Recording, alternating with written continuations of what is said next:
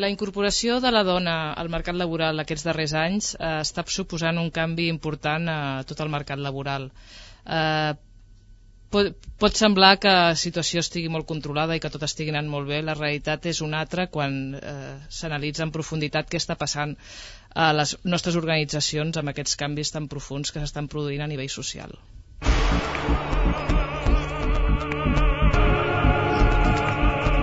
L'Hora de Plutó, amb Núria Ribot.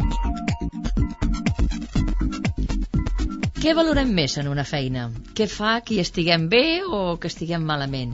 Fins no fa gaire, parlar de relacions laborals era parlar d'administració de personal i resolució de conflictes.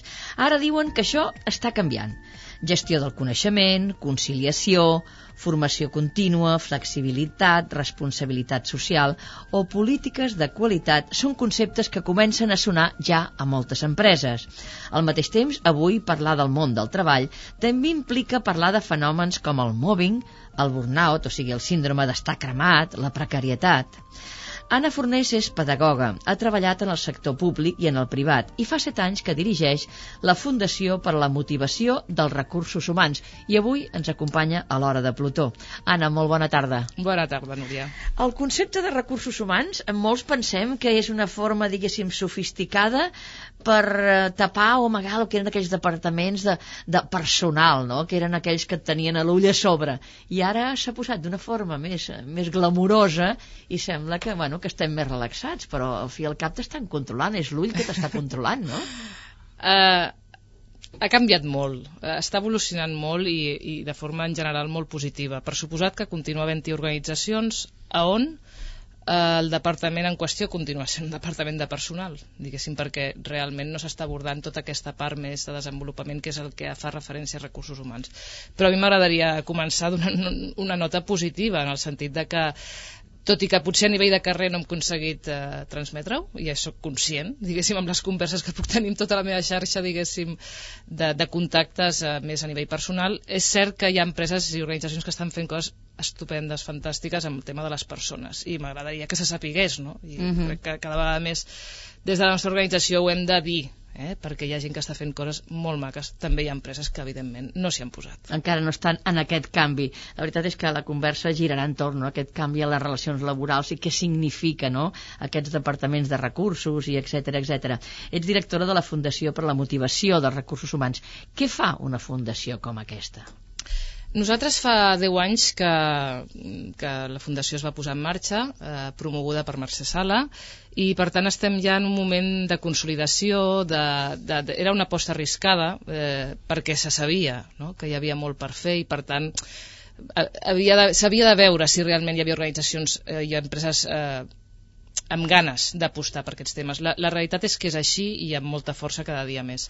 Precisament perquè acabem de fer 10 anys, acabem d'actualitzar la nostra missió fundacional. Com a fundació, doncs, eh, el més important nostre és tenir clar per què hi som, no? I m'agradaria comentar-la, doncs, perquè crec que es, explica bé el que pretenem, no? Que nosaltres som una comunitat de coneixement amb una gran sensibilització i compromís en matèria de gestió de persones que ofereix espais d'intercanvi i relació i que, en definitiva, ajudem a construir organitzacions capaces de fer compatible els interessos propis i els de les persones que les integren apostant doncs, en tot moment per la innovació i, i fent-ho des d'un enfocament pràctic, de cerca de les millors pràctiques tant a Catalunya, a Espanya i per suposat mirant molt què s'està fent al món. A veure, explica'm una mica millor. A veure, jo no ho acabo d'entendre perquè a vegades és una forma sofisticada de parlar. Intenteu que les relacions laborals entre el treballador i els empresaris siguin millor? Per... És a dir, els acosteu? Feu cursets? Quina és la relació que teniu amb el treballador i amb l'empresari? Molt bé. Doncs sí, clarament, diguéssim, és, és, és molt mm, superar tota aquella fase que encara existeix a algunes empreses de confrontació cap a la cooperació. És a dir, l'organització som tots i, té tant pes el que mana com el que està fent el dia a dia, el que està posant en marxa les idees que els altres tenen. No? Per tant, eh, el diàleg, eh, entendre's, eh, fer partíceps a tota l'organització és la clau de que les organitzacions puguin avançar i puguin ser realment rendibles, perquè una organització mai serà rendible si no compta amb els seus treballadors, si no, si no els fa saber que, que són útils, que es, es necessita d'ells, que es necessita de les seves idees, que es necessita doncs, de, de, de, de que se sentin còmodes. Que els motivi, Inclús... que els mimi una mica fins Totalment, i tot. i que, i que anar a treballar, tot i que ja sé que això pot semblar utòpic, per a moltes persones, per al major nombre de persones sigui anar a un lloc on pot ser inclús feliç en alguns moments. Home, és, dir, que passem la major part de la nostra vida Sí. al treball, eh? Com a mínim les 8 hores hi cauen. Exacte. I quan no sents alguns que diuen 12 i 14 hores Sí. és el lloc més fantàstic del món, o ja és que són Sí. addictes al treball, no? Però clar, per tot aquest món tan... Eh, que, bueno, que estaria molt bé aconseguir-lo, vol dir que els empresaris i empresàries han de voler-ho Sí. han de voler-ho i han de donar aquest pas, o sigui, han d'aprendre, sí. han d'anar, per exemple, a la fundació i dius, a veure, jo tinc problemes a l'empresa o potser tinc una manca de producció, perquè les coses jo sempre penso que es miren en termes econòmics. Sí, no és sí. que siguin tan fantàstics, sinó senzillament, si els estan més feliços treballant, produiran més i millor. Correcte. Suposo que és això. Totalment. Eh? Hi ha molta gent realment amb aquesta idea? Eh, Teniu molts que us venen a consultar o són molts menys dels que voldríeu? Eh, home, són menys dels que voldríem, clarament. De tota manera, també t'he de dir que en aquests anys hem vist una evolució mm, important. Eh? Mm, No hem d'oblidar que encara queden reminiscències d'altres èpoques a algunes organitzacions, és a dir, que, que la nostra història també va molt vinculada, la història del que es pugui estar fent en les relacions humanes va molt vinculat també diguéssim, a, a, a- al món social o, o a com s'està estructurat tota la, tota la, tot el conglomerat diguéssim, del nostre país. I en definitiva al final eh, s'estan donant les passes que permeten que aquesta introducció de noves idees, aquesta manera de veure el treballador més com un col·laborador i no com algú a qui tens que esprema, tot això diguéssim jo crec que s'està superant força, per suposat doncs quedaran eh, els empresaris doncs, que encara no ho estiguin veient així, però diguéssim queda cada dia més clar que això ara per ara i amb tot aquest canvi social que estem tenint doncs és absolutament vaja, in inabordable si no és des d'aquesta vessant tot i així, en fi, a vegades alguna persona de la nostra xarxa fa la broma de dir, ostres, la fundació és més necessària que mai perquè encara es veuen situacions molt dures, no? com un inspector de treball ens comentava doncs, veure com a vegades es despedeix algú per fax. No? Vull dir, algú tan... És a dir, que a veure, que estan passant coses encara avui tremendament dures, que per tant reforcen el fet de que això s'ha d'anar Vull dir, nosaltres ens, ens sentim una mica com una, com una entitat que, que intenta fer una tasca finalment una mica social també, no? perquè al final aconseguir que la gent se senti millor doncs també en fi, creiem que pot fer augmentar, diguéssim, doncs, nivells de productivitat, de rendiment, etc. Bàsicament això. I qui són els sectors més interessats? La gran empresa, la petita, la mitjana, va per sectors multinacionals? De qui estem parlant? Una mica per tenir la fotografia de quins són realment Clar. els que estan en aquest procés de canvi dintre del món laboral. Doncs hi ha de tot. Eh, el que està passant és que la gran empresa, està clar, té més recursos, diguem-ne, en el sentit de dir, pot posar diners en, en, en crear doncs, un departament, una figura, unes persones expertes, perquè realment se n'ha de saber molt, és molt complex, el món de les relacions humanes és molt complex, i no qualsevol per persona pot posar-se al capdavant, eh, ni molt menys, diguéssim. Eh? Per tant, diguéssim, les persones que, que s'encarreguen de gestionar aquests departaments, petits, grans, és igual, són persones molt preparades, on per cert també estem veient una evolució del perfil molt interessant. No? Eh, això no vol dir que empreses petites on l'amo, per exemple, no? i aquí clar, la realitat del nostre teixit social és molt de pime, doncs eh, aquí veiem doncs, que, que depèn de com sigui la persona però jo crec que cada vegada s'està veient més clar que tinguis un equip gran, petit, és igual, com no cuidis a la teva gent, eh, tot aquest trontoi social que estàvem comentant, eh, diguéssim, dificulta molt eh, poder tirar endavant organitzacions sense comptar amb les persones. Uh -huh. I tu has dit al començament que ha estat un punt, diguéssim, d'inflexió important en les relacions laborals, l'entrada, diguéssim, massiva de la dona en Sí. el món del treball, no? Ha fet Sí. trontollar estructures, ha fet que es canviessin comportaments, ha fet que es canviessin Sí. actituds, horaris, etc. Sí, sí, sí, malauradament també tinc que dir, diguéssim que si no hagués estat per això no sé jo què és, què és que el que hauria canviat, perquè clar, quan, eh, quan la dona s'incorpora tan massivament com està passant, doncs és quan més es pot percebre, diguéssim, la realitat o no de poder allargar horaris, per exemple. O sigui, el tema de l'horari laboral és clarament la gran xacra que hi ha en aquest país i que afortunadament també s'estan movent coses, no? com la creació d'aquesta comissió de racionalització d'horarios laborals, etc. Uh -huh. perquè al final clar, és inviable que si sobretot treballes en una ciutat i has de sumar les 8 hores de feina mínimes diguéssim a un desplaçament que pot ser llarg, eh, clar, eh, compaginar les dues coses fa absolutament eh, impossible i també es comença a veure la, el que suposa eh, com a dona i com a estructura diguéssim de parella, etc que no hi hagi ningú atenent els fills, el fill i els fills. Eh? És a dir, que al final eh, si, si, si es decideix diguéssim formar una família doncs, eh, qui estigui al, al cuidador dels fills és, és molt important perquè també es comencen a veure les repercussions que té doncs, diguéssim, per aquests nanos que poden estar creixent Mm -hmm. amb poca, diguéssim, no sabria dir la paraula, eh? però jo tinc una filla d'11 anys i, i, i ho estic percebent clarament, no? diguéssim, el que suposa doncs, nanos que estan moltes hores sols a casa, per exemple. Mm -hmm. D'aquesta qüestió en parlarem àmpliament, però abans et voldria demanar així de forma clara, el treball dignifica o aliena? El treball, eh, si tu estàs treballant de forma que tu saps que el que estàs fent és útil per la teva organització i també a tu com a persona perquè et permet créixer, desenvolupar-te, saber més coses, aprendre, desaprendre. Això clarament dignifica. Per suposats hi ha treballs molt més alienants. També he de dir que, que en aquest tipus de treballs que per cert cada vegada estan desapareguent més, diguéssim tot el treball manual, no? de, eh, eh, doncs eh, clar, es, es veu no, doncs que, que si el treball és alienant això és problemàtic i pot derivar mm. cap a problemes de salut, laboral, etc. Mm -hmm. I d'aquests problemes també en parlarem, perquè per molts realment el treball és un càstig diví, sí, eh? Sí, és sí. un càstig diví. Doncs bé, avui parlarem àmpliament d'aquest món del treball, de l'entrada de les dones, del que ha significat, del que pot significat, i ho farem amb Anna Fornés, però abans la Pilar de Pedro, de Pedro ens explicarà una mica de la, seu, de la seva vida, de la seva trajectòria professional i també personal.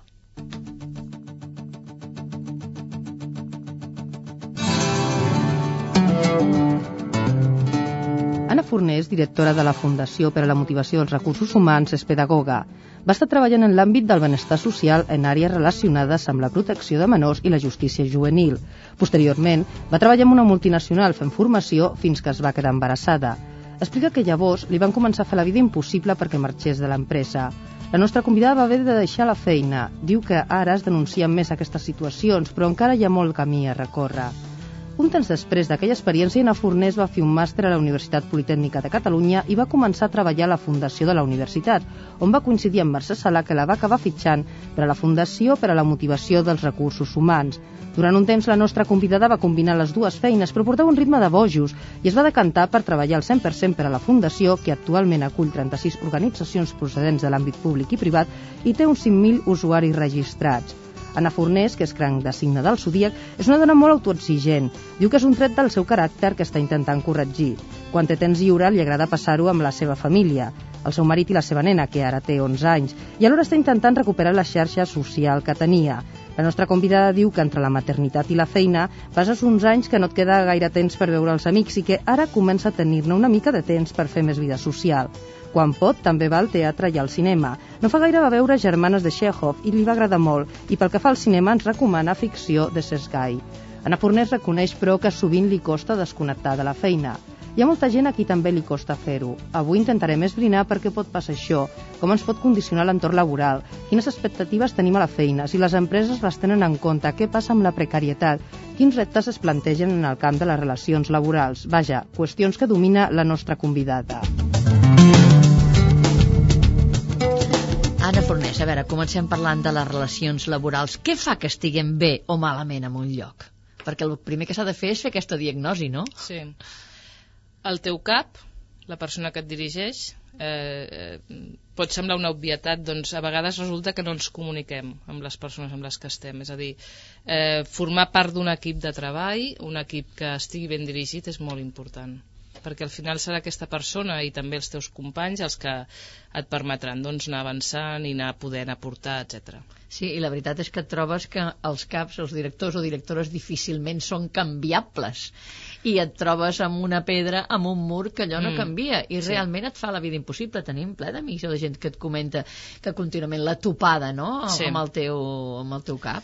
És el gran motiu pel qual les persones marxen, si poden, de les organitzacions, la mala relació que poden tenir amb el seu cap. Per tant, aquí hi ha el repte a nivell, diguéssim, de país, organitzatiu, de, de, de formar bons líders, eh?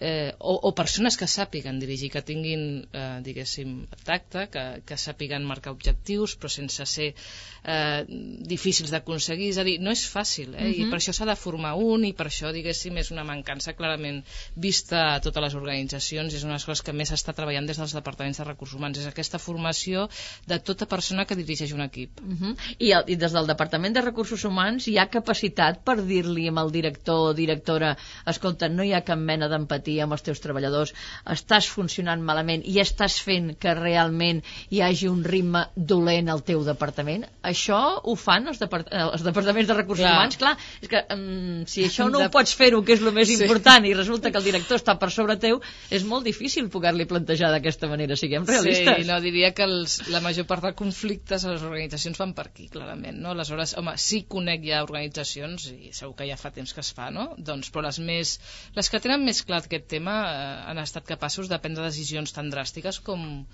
com, bé, com despedir o arribar a un acord amb alguna persona que pot ser molt bona a nivell de coneixements, doncs en canvi està fallant molt amb la relació amb el seu equip i fa que el seu equip estigui no tan sols desmotivat, que en tot cas és una cosa, bueno, és molt dolent, però és que hi ha casos ja de patologia. Eh? Cada vegada més es parla de les patologies organitzatives, tot un concepte molt interessant doncs perquè al final és això a nivell de carrer doncs, eh, podem estar parlant amb molta gent i que ens estigui dient doncs jo ho estic passant molt malament a la feina això és el que no hauria de passar mai eh? Mhm. i ja comença a haver organitzacions que això no ho estan admetent Uh -huh. Clar, l'important és quan s'accepta o passa, diguéssim, uns tipus d'exàmens al que ha de ser director o directora, que es tingui en compte cada vegada sembla més, no?, aquestes qüestions d'empatia, de simpatia, Sí. de possibilitat de relacionar-te amb els altres, Sí. més enllà dels teus coneixements específics del Exacte. tema que se't demana, no? Vull dir, allò de la Sí. intel·ligència Exacte. emocional que És fa tants et anys que en parlem, És no? el que et anava a dir, diguéssim, que seria el gran concepte que englobaria tot el que estàs dient.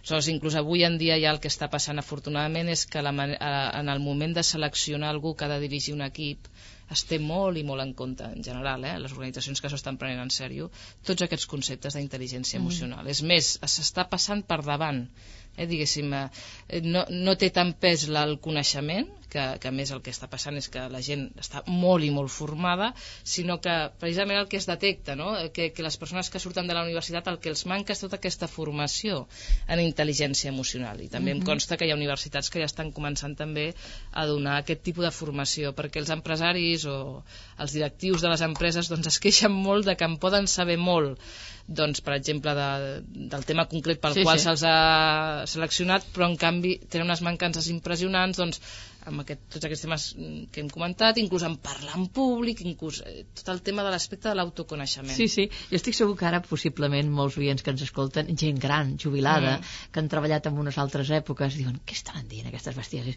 Si el que es tractava era de treballar, treballar allà com, com uns animals, moltes vegades, em, em, fortíssim, Sí, sí. i ara estan parlant d'aquestes sofisticacions, que tractin bé, que siguin simpàtics, que hi hagi aquesta empatia. Què és tot això, no? Vull dir, mm, molts encara poden recordar i recorden I no, les èpoques de confrontació, de lluita dintre les empreses I que tant. encara hi és, d'explotació, etc etc. Jo no sé si això en el fons ha canviat tant. Ara ho estem sofisticant i estem parlant, diguéssim, amb uns altres termes i amb un altre llenguatge, però en el fons, diguéssim, una explotació i una confrontació continua estant a les empreses. O les coses han canviat realment molt. Clar, hi ha de tot, hi ha de tot i, i segons qui m'escolti doncs serà més crèdul o Clar, més quan, quan incrèdul. escoltin les 35 hores a alguns Sí, països, aquí sí, les sí, 35 sí, hores sí. i dius 35 hores? Si les feien en 3 dies o en 2 dies, no? Sí, Molta gent sí, que sí. pot pensar tot això. Però clar, és tot el que comentava de, de, de, del, de la nova era en la que estem, diguéssim, no? O de, de, de, de, de, en fi, del- de, de, d'estar en un país on, on, on, on està, on es veu molt clar que les organitzacions s'han de modernitzar, que tot, que tot, tot està avançant a uns passos agegantats que fa, que jo també en entenc que tota aquesta gent, diguéssim, de la generació de fa molts més anys, eh, en fi, ho, ho, ho, vegin tot molt estrany, però és que ens hem d'adaptar als canvis i les coses estan canviant molt i estem a Europa i estem veient com estan funcionant les empreses europees, tot això ens empeny, ens empenya que, a, que si no ho fem tant per convicció, que és el que a nosaltres ens agradaria, es fes, doncs, si, si més no, per donar-se compte que no es pot ser competitiu si no es cuiden a les persones. Parlem d'Europa, perquè de vegades, com sempre, nosaltres posem referents d'altres sí. llocs que n'aprenem. Vosaltres, en la Fundació, heu fet un viatge a Suècia i, com sempre, els països nòrdics es deixen una mica sí. bocabadats, sí. encara que la realitat moltes vegades no és tan maca com ens sembla, no? Però, clar, hi han referents i els referents que sí. potser es poden aplicar aquí amb la nostra cultura, amb la nostra forma de funcionar, sí. que és diferent. A Suècia, eh, per exemple, què tenen ells que no tinguem nosaltres? Nosaltres, per exemple, diuen que la conflictivitat laboral és baixa, sí però en canvi l'absentisme és altíssim. Sí. Clar, jo em permetia fer la broma, no? Clar, si estan absents del treball no hi ha conflictivitat. Si van quatre gats a treballar o hi ha un realment un índex alt d'absentisme, doncs mira, facilita que no hi hagi trifulques a la feina. A veure, si diguéssim que una mica la conclusió que vàrem veure ja que ens va sorprendre, eh, tremendament, és que, clar, realment, mm, és a dir, allà qualsevol petit conflicte que tinguis està permet, molt i molt permès que agafis la baixa. És a dir, el concepte d'agafar la baixa en aquests moments a Suècia doncs és la cosa més normal del món, però també de dir que quan eh, una vegada han arribat a aquest, un percentatge tan elevat com és el 10% d'absentisme laboral, és una dada altíssima, impressionant, el... altíssima, comparat si la mitjana europea seria, bueno, no sé, un 4, eh, més o menys, doncs eh, el que ha passat és també un moment socialment molt interessant i és que inclús hi ha hagut un canvi polític que s'està comentant que ve molt donat per això. És a dir, que, que és, com sabeu, bueno, Suècia doncs, durant molts anys socialdemocràcia, no? un estat del benestar que cobreix absolutament totes les eh, necessitats i que la nostra conclusió és que ho ha fet d'una manera tan, tan, tan extraordinària que ha portat a una mica al contrari, és a dir, està passant a Suècia que sobretot la gent jove, que és la que no ha hagut de lluitar per res, i aquesta és la realitat, sinó que l'Estat els hi ha donat tot d'una manera tan mastegada que en aquests moments està passant doncs que, que en fi, que, qualsevol cosa, qualsevol motiu, pel més senzill que nosaltres ens pugui semblar, fa que la persona deixi d'anar a treballar. És a dir, una permissivitat tan elevada que ha portat cap a l'extrem contrari. I, i, I el problema és tan greu que ha comportat un canvi polític eh, en un país on, on d'alguna manera ens va sorprendre molt, diguéssim, el, el, doncs, eh, aquest canvi que va haver-hi, doncs, si no recordo malament, farà un any i poc. Eh?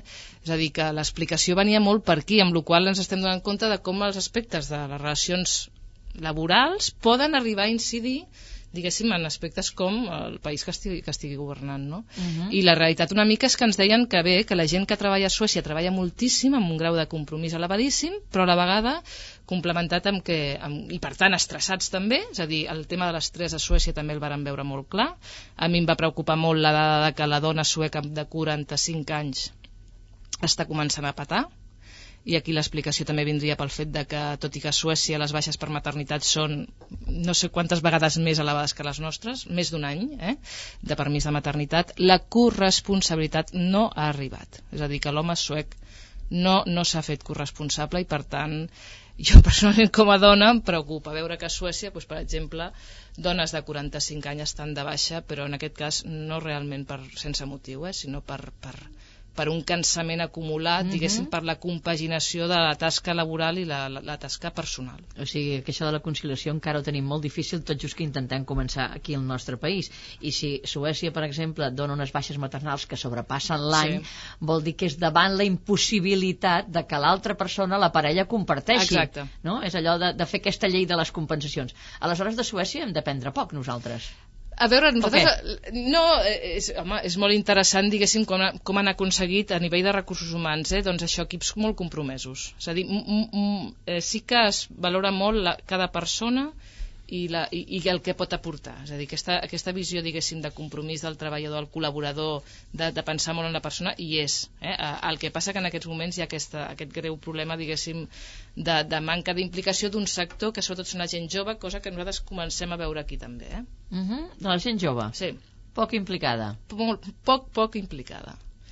Amb la qual jo la reflexió una mica també com a mare i pedagoga té, crec que té molt a veure amb com els estem educant. Uh mhm.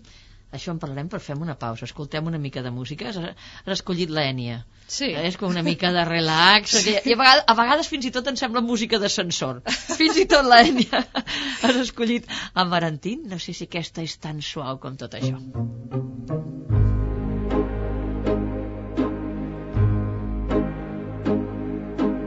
You know when you gave your love away,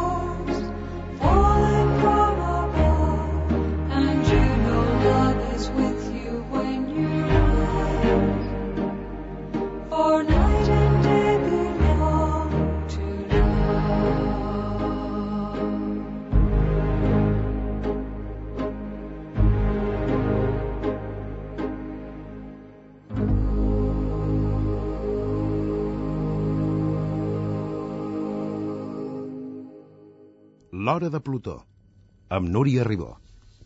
I continuem la conversa amb Anna Fornés, directora de la Fundació per a la Motivació dels Recursos Humans. I estem parlant del món de treball amb totes les facetes. I abans d'escoltar Helènia estaves parlant de la gent jove, no? I et veia una mica decebuda amb el paper de la gent jove i ara mentre escoltava la música també m'ho deies, no? Dius, estan molt més temps a casa, no surten, gent amb 20 anys continuen sent com criatures, aquesta manca de responsabilitat, però clar, darrere esteu els pares, Sí. no?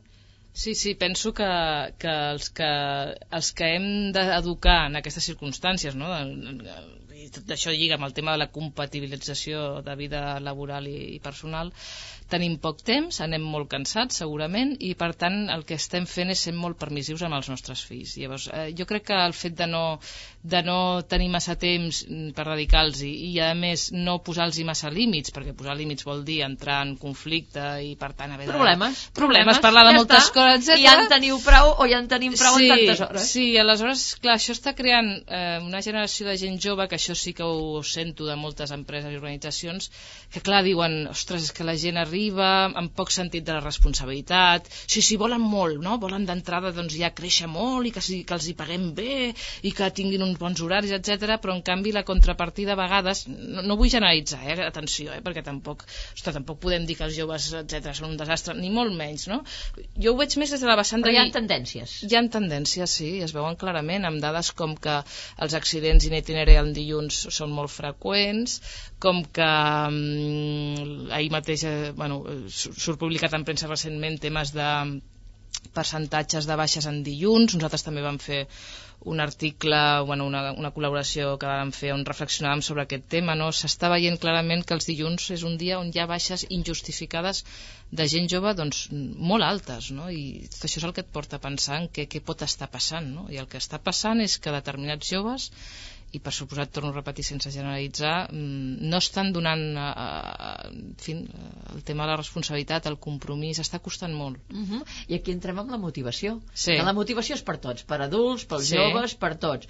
Dius, clar, mm, per exemple, llegia una frase del neurocientífic Henry Macram que diu no hi ha persones incompetents, sinó organitzacions ineptes, no? Mhm. Si Sí. ets, això que deies, si l'organització, si l'empresa el que ha d'intentar és motivar, jo suposo que molta gent que estan en precarietat, que estan treballant Sí. en unes condicions tremendes, deuen parlar de què estan dient aquests, quin luxes Sí, estan parlant. Si la feina per nosaltres és poder arribar a fi de mes. Punt, sí, punt. Sí, sí, sí. Sí, sí, el tema de les condicions laborals, per suposat, condiciona absolutament, i entenc que qui estigui escoltant el programa i no les tingui, doncs digui, mira, en fi, no me'n parlis més, que la meva realitat és molt dura, no? I per suposat, eh, en fi, el, el que, el que s'ha de veure és que, clar, hi ha sectors molt més durs en quant a condicions laborals, en, en què d'alguna manera també per exemple, estic parlant del comerç, no? on els horaris són dolents, els sous ja se sap que tampoc són cap meravella. Clar, aquest tipus de- de- d'empresari que està en aquest tipus de sector doncs, ha de buscar compensacions per les persones, diguéssim, que tenen aquestes males condicions, no? Perquè al final el que està, estem veient, i penso que malauradament potser com a clients ens hi estem acostumant, és que hi ha determinats serveis on el servei cada dia està pitjor. Que passa que també com a consumidor pots entendre que la persona que t'està donant aquest servei, com que les seves condicions són dolentes, doncs què més li pots demanar, no? Però en tot cas la reflexió per l'empresari seria dir es pot ser sostenible tenint personal doncs, malcarat doncs, perquè resulta que està treballant moltes hores i amb uns horaris difícils vull dir, tot el tema també social diguéssim de, del que els serveis tenen que estar cada dia més amb uns horaris molt més amplis també això està portant unes situacions, diguéssim, difícils de compaginar, no? I on, evidentment, els sous baixos i les condicions dolentes... I la temporalitat, per exemple, També. ara se'n ve temporalitat, contractes a a temps parcial o també omplir llocs fixes de treball amb persones Sí. només per una temporada perquè no tinguin, diguéssim, aquesta continuïtat amb el treball. Clar, són un munt d'elements que dius, sí, ja poden haver-hi departaments de recursos humans, ja en poden parlar de, Sí. de bon tracte i d'una bona situació, o l'altre dia, eh, a primers d'abril, eh, celebrar el dia de l'humor dintre de la feina, i veus la gent saltant o rient, dius, sí, però una flor no fa estiu. Sí. Vull dir, continuen havent-hi moltes coses, per això estem al segle XXI, però encara hi ha unes reminiscències Sí. de relacions laborals, de confrontacions i de situacions econòmiques que ens semblen del segle Sí, passat. sí, i no oblidem que estem entrant en un moment de recessió, diguéssim, eh? amb la qual som molt conscients els que estem en aquest àmbit de que a veure què passa, perquè quan les vaques són grasses, doncs eh, diguéssim que el nostre sector, el, no, el nostre àmbit mm, és més factible, ara veurem què passa, no? Si hi ha unes retallades, perquè clar, la, la crua realitat és que també hi ha moltes retallades doncs, amb els pressupostos referents a aquests temes que hi ha més d'un que no veu prioritari en absolut. Uh -huh. I després ve quan els treballadors comencen a haver-hi una sèrie de malalties, diguéssim, laborals, Sí. no? Que, insisteixo, segurament molta gent gran que ens escolta dirà, malalties laborals? Si ens, això que diuen, que estic cremat, no? Aquest Mm. síndrome del burnout, estic cremat, tot això. Dius, però què m'estan parlant de tot això? Si tota la vida hem treballat en moltes condicions d'estar sí. cremat i ara es considera una malaltia laboral, no?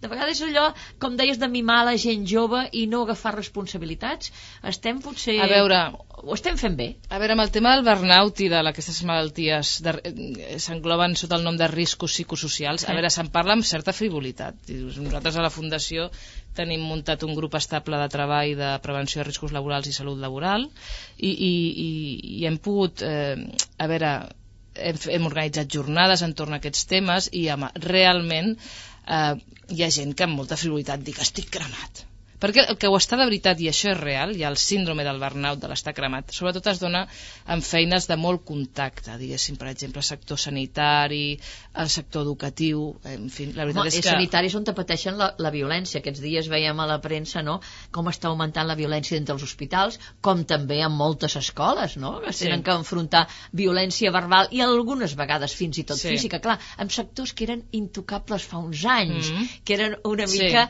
eh, veure un metge o una metgessa Sí, o veure sí, sí. un mestre era d'un respecte total i quasi bé d'una inferioritat per Sí. part de l'altre. Ara no, al Ha contrari. canviat. Al contrari, molt. vull dir, estem parlant d'una sèrie de canvis tan ràpids que no s'assimilen que fa que es produeixen unes situacions difícils de diagnosi, fins i tot. Totalment. I, per, i, i que el que cal és a les que són reals, per suposat, donar-los molta importància, perquè no hi ha res pitjor que pas, pa, passar per una situació de maltractament, d'assetjament, de, de, de, de realment passar-ho molt malament perquè vas a treballar i pateixes, això clarament és un tema que aquí està en determinats àmbits i per tant molt seriós ara també tenir clar que hi ha gent que pot estar prenent el número eh? i la llàstima és que aquesta poca gent perquè jo crec que tampoc és gaire pot estar fent molt mal no? és a dir que a veure, ah, és que estic cansat estic deprimit, a veure no, no, no frivolitzem amb temes tan seriosos com puguin ser una depressió, que per cert també és una dada que surt constantment diguéssim I que va increixendo. que va increixendo Uh -huh.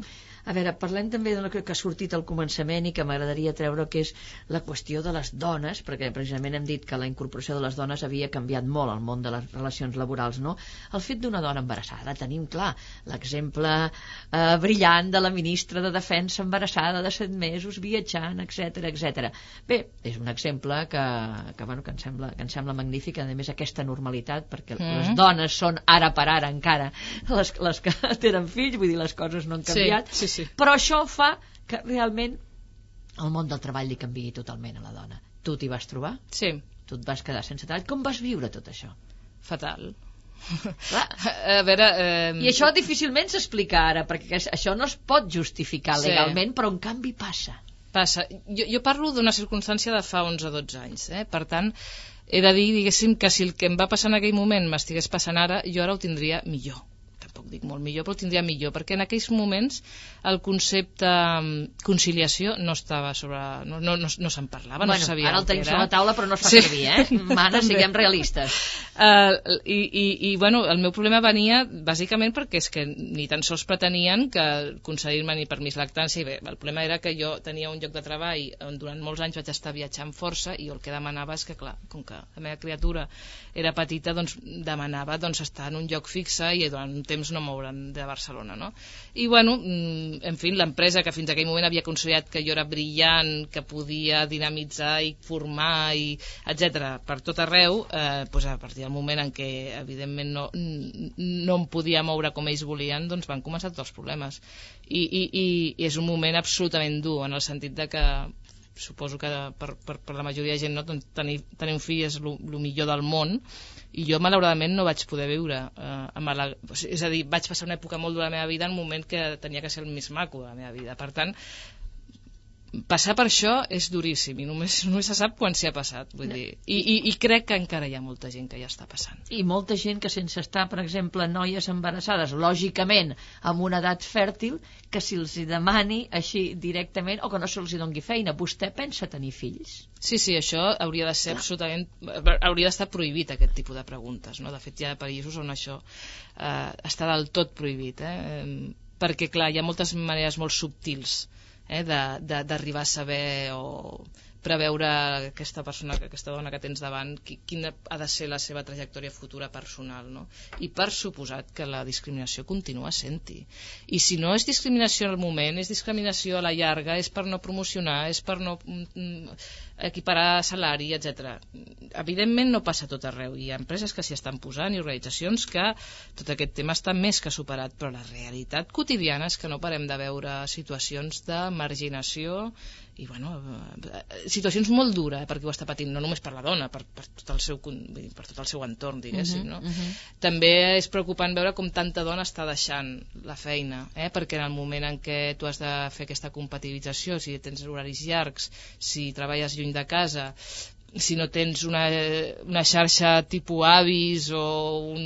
En fi, vull dir, també amb els salaris no dona per, per molts cangurs, etc. La realitat és que moltes dones o estan deixant o estan demanant jornades reduïdes, el qual no hauria de ser així, però està fent que no puguin promocionar, etc. Exacte, i fa que no puguin arribar dalt de tot, perquè estem veient que tant a la universitat, a tot arreu, els mandos intermitjos són dones, però arribar a aquest últim pis sembla que es fa completament impossible. I la maternitat hi serà sempre, siguem Sempre, realistes, sempre. això no ho canviarem. No, no, no, no. I, i sí, poden haver-hi exemples molt paradigmàtics, com la presidenta de Microsoft, eh, eh, la, o sigui, empreses, diguéssim, molt tecnològicament molt modernes que han pogut eh, incorporar aspectes com el teletreball, no?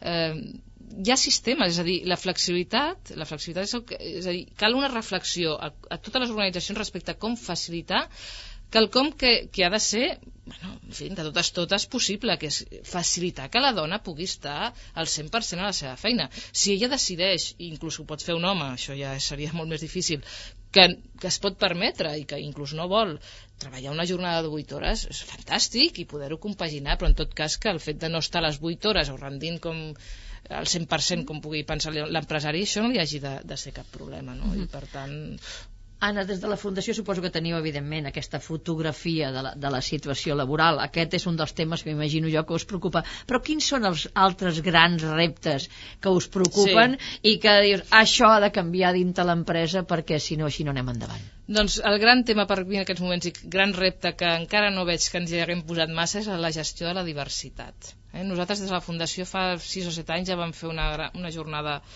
amb molt d'impacte eh, on ja començàvem a advertir de, dels canvis que, que ens venien eh? i que en aquests moments, en fi, eh, són tan palpables per tots nosaltres a qualsevol nivell Eh, no sé si estem prou preparats, no sé si les organitzacions s'estan donant compte del que suposa tota aquesta entrada de persones, diguéssim, d'altres països, un gran tema. Nosaltres, per celebrar el desè aniversari de la Fundació, vam fer una jornada només parlant de persones immigrades i món laboral. És un gran tema que, per suposat, pot tenir un component molt, molt positiu, però a la vegada crea conflicte, i no ho hem de Mhm. negar ni ho hem d'amagar. I després també, quan parlem de diversitat, també estem parlant de, diguéssim, les diferències generacionals d'edats, és a dir, això també està causant conflictes, el que estiguin convisquent fins a quatre generacions dins d'una mateixa organització en aquests moments està creant, en fi, conflictes eh, importants, tot el tema de la, de la ètnia, el tema també de la orientació sexual, sexual. eh, que està agafant una força... I la religió, per exemple? No, no és un No és tema tant. que... Mm, Bé, clar, eh, ho, ho està portant molt l'arribada de persones d'altres països, eh? I, I Mhm. sí que l'empresa que d'alguna manera està veient que, que, que, que pot aprofitar aquesta diversitat doncs està fent coses per facilitar doncs, que, per exemple, complir determinats aspectes d'una religió es puguin fer, no? I els preceptes del ramadan, el tema dels horaris laborals, per exemple, que hi ha, doncs, hi ha gent d'altres països doncs, que no té, cap, no té cap problema en treballar dissabtes i diumenges. Bé, al final és, és, és, es tracta sobretot de pensar en la persona i, i dir, a veure, aquesta persona, quin poden ser els, els seus interessos que puguin casar amb els nostres. En definitiva, és pensar en la gent. Però és interessant el que dius perquè quan has dit diversitat, ràpidament tothom pensa en els estrangers, la immigració i el que comporta perquè ho estan vivint cada dia, Sí. al barri, a tot arreu, ho estan vivint. Però en canvi tu has ressaltat dos punts que no tenen que veure necessàriament amb la immigració amb els estrangers, que són les diferències generacionals i l'orientació sexual. Sí. Vull dir, això és una cosa que passa al nostre país i entre nosaltres. Vull dir, no he ressaltat especialment, quan jo t'he dit fins i tot la religió, que pot ser, o la cultura, en canvi, aquests dos punts, que això és una cosa que ens passa a tots entre nosaltres Sí. mateixos, no? Què està passant en aquesta de diferents edats? Què vol dir? Que s'estan enfrontant? Home, un, eh, una mica, siguem realistes, és a dir, eh, aquest, eh, en la conversa que estem mantenint tu i jo, d'alguna manera està sortint el tema dels joves, val? Eh, els que no som tan joves, diguéssim, d'alguna manera segur, segurament tenim la percepció que ens ho hem hagut de treballar tot una mica més. I inconscientment podem estar mm, veient molt malament aquesta gent, diguéssim, que ho té tot tan fàcil. Eh? I, per tant, eh, si, eh, si, si, si anem una generació més amunt i parlem de persones de 50 i pico, 60 anys... aquí Bueno, que el comentari que feia dels oients que possiblement podien dir eh, Sí, de què estan parlant exacte. aquestes, de quins luxes parlen. Ah, Absolutament, tens perquè eh, ells ho van passar segurament molt pitjor que ho, ho hem pogut passar nosaltres i els que venen darrere. Per tant, s'ha d'entendre, és a dir, és, és el tema de l'empatia, intentar-te posar al lloc de cadascú, intentar entendre, una vegada entès, buscar apro aproximar posicions. Però, clar, és que en aquests moments estan convivint a, a moltes organitzacions dos mons que no s'estan entenent o que els hi costa una mica entendre's. Aleshores és veure tota la potencialitat que té la gent jove per la part d'innovació, de creació, de ganes, de- de- d'energia, però a la vegada la saviesa de la gent gran. No? Llavors, per exemple, tot aquest tema que aquest país està portant d'aquesta manera tan alegre, que és, són les prejubilacions, està comportant una manca de coneixement a les organitzacions, que no s'està transferint a més, és a dir, qui ho està fent bé, sí, per suposat, eh? està muntant uns plans de successió, està procurant que la gestió del coneixement funcioni i per tant es transfereixi el coneixement d'aquesta persona més gran cap a la persona més jove. Si això no es cuida, el que està passant, i la reali- realitat segurament que deu estar percebent la gent del carrer, és que s'està perdent molt coneixement. Uh -huh. Això ho I tenim... s'està valorant la força, l'energia, eh, La imatge de joventut, la Sí. imatge de joventut que, és, El que sembla que... Sí, i després l'altre punt, l'orientació sexual. Em costa d'entendre que entre persones, vull dir, una persona heterosexual, una persona homosexual, hi ha problemes a les empreses. No, diguem-ne que, la, que encara la homosexualitat està molt mal vista a les organitzacions. Eh, bueno, no, no, jo diria que socialment, segurament. Vull dir, no, no sé si les organitzacions eh, són prou...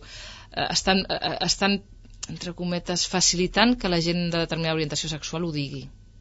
Val? O sigui, estan potser ara començant a emergir moviments molt potents entorn d'això i m'estic pensant que SADE fa, no fa massa es va fer un congrés no? sobre eh, tot aquest tema.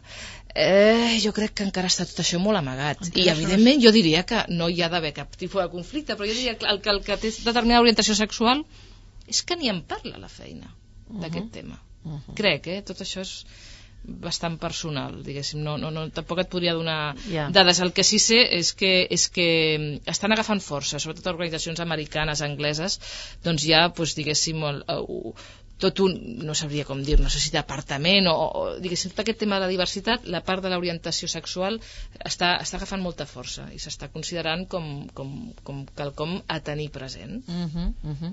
I ara escoltem música. Has escollit en Joan Manel Serrat, que feia temps que per cert aquest programa no, no l'escoltaven, no l'havien escollit els nostres convidats, i les paraules d'amor, una de les cançons meravelloses d'en Serrat.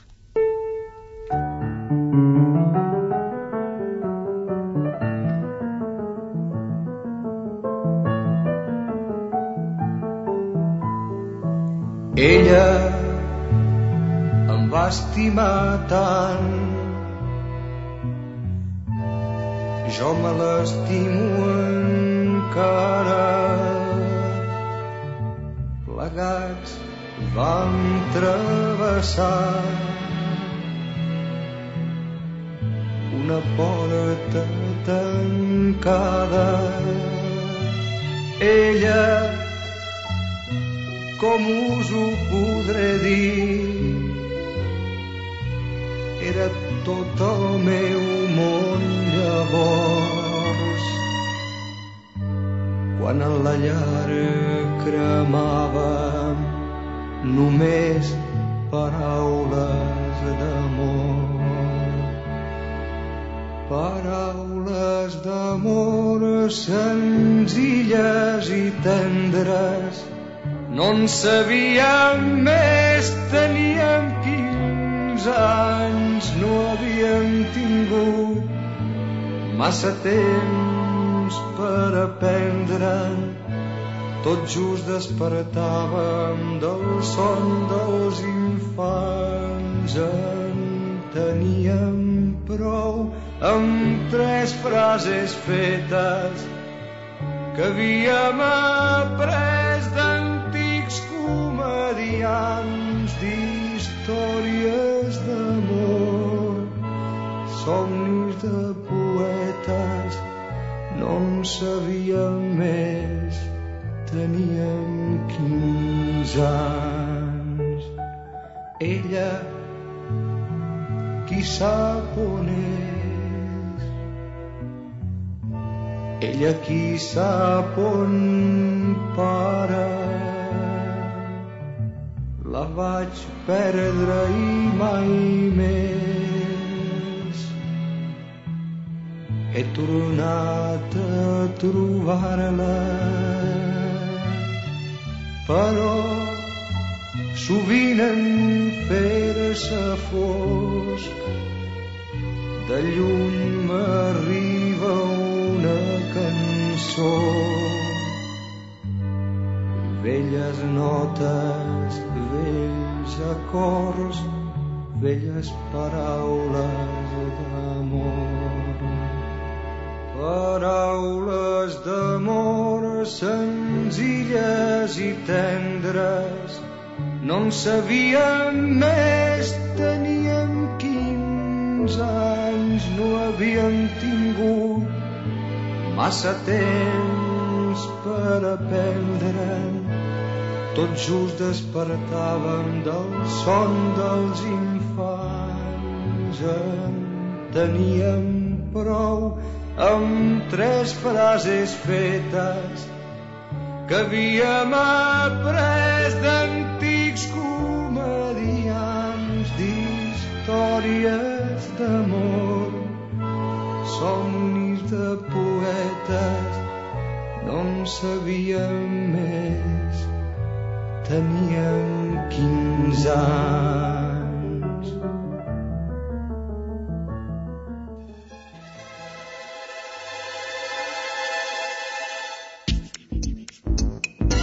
L'Hora de Plutó, amb Núria Ribó. I arribem ja als últims minuts de l'hora de Plutó, en conversa avui amb l'Anna Fornés, directora de la Fundació per a la Motivació dels Recursos Humans. Em sembla que hem anat tocant un munt de coses perquè realment e- e- és apassionant veure la incorporació no? de, de, de, de, nova gestió, de no, a veure com van canviant les relacions.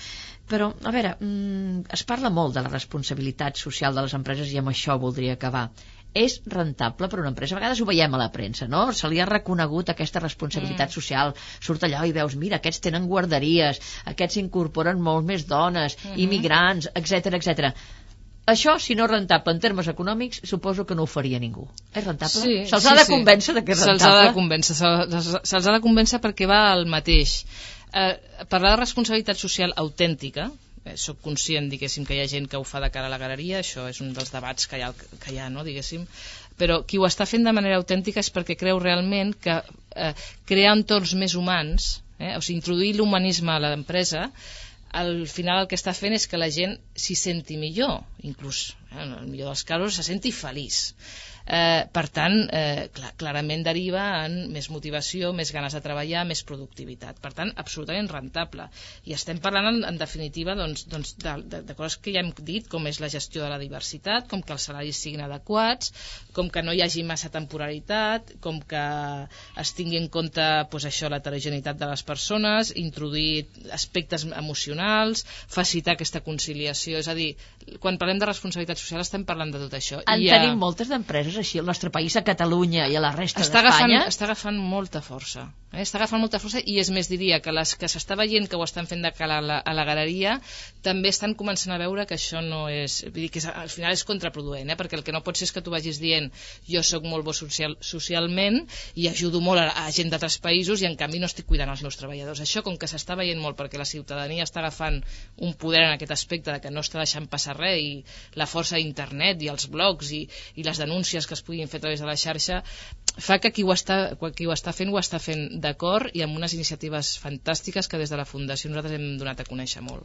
Està clar que tu, Anna Fornés, treballes amb entusiasme i amb ganes. Sí. I segurament et deus passar de les 8 hores. segurament. I, bueno, és un luxe que jo personalment també, no?, el fet de que puguem treballar amb un, amb, realment amb una Sí. feina que ens agrada i, i amb l'entusiasme que també Sí. tu li poses i que vulguis traslladar Sí. també això als demés, no? Que entenguin que això és productiu. Sí, exacte. Jo em sento molt privilegiada. Doncs bé, ho deixem aquí i acabem el programa amb un altre que has escollit de demanar en el muelle de Sant Blas.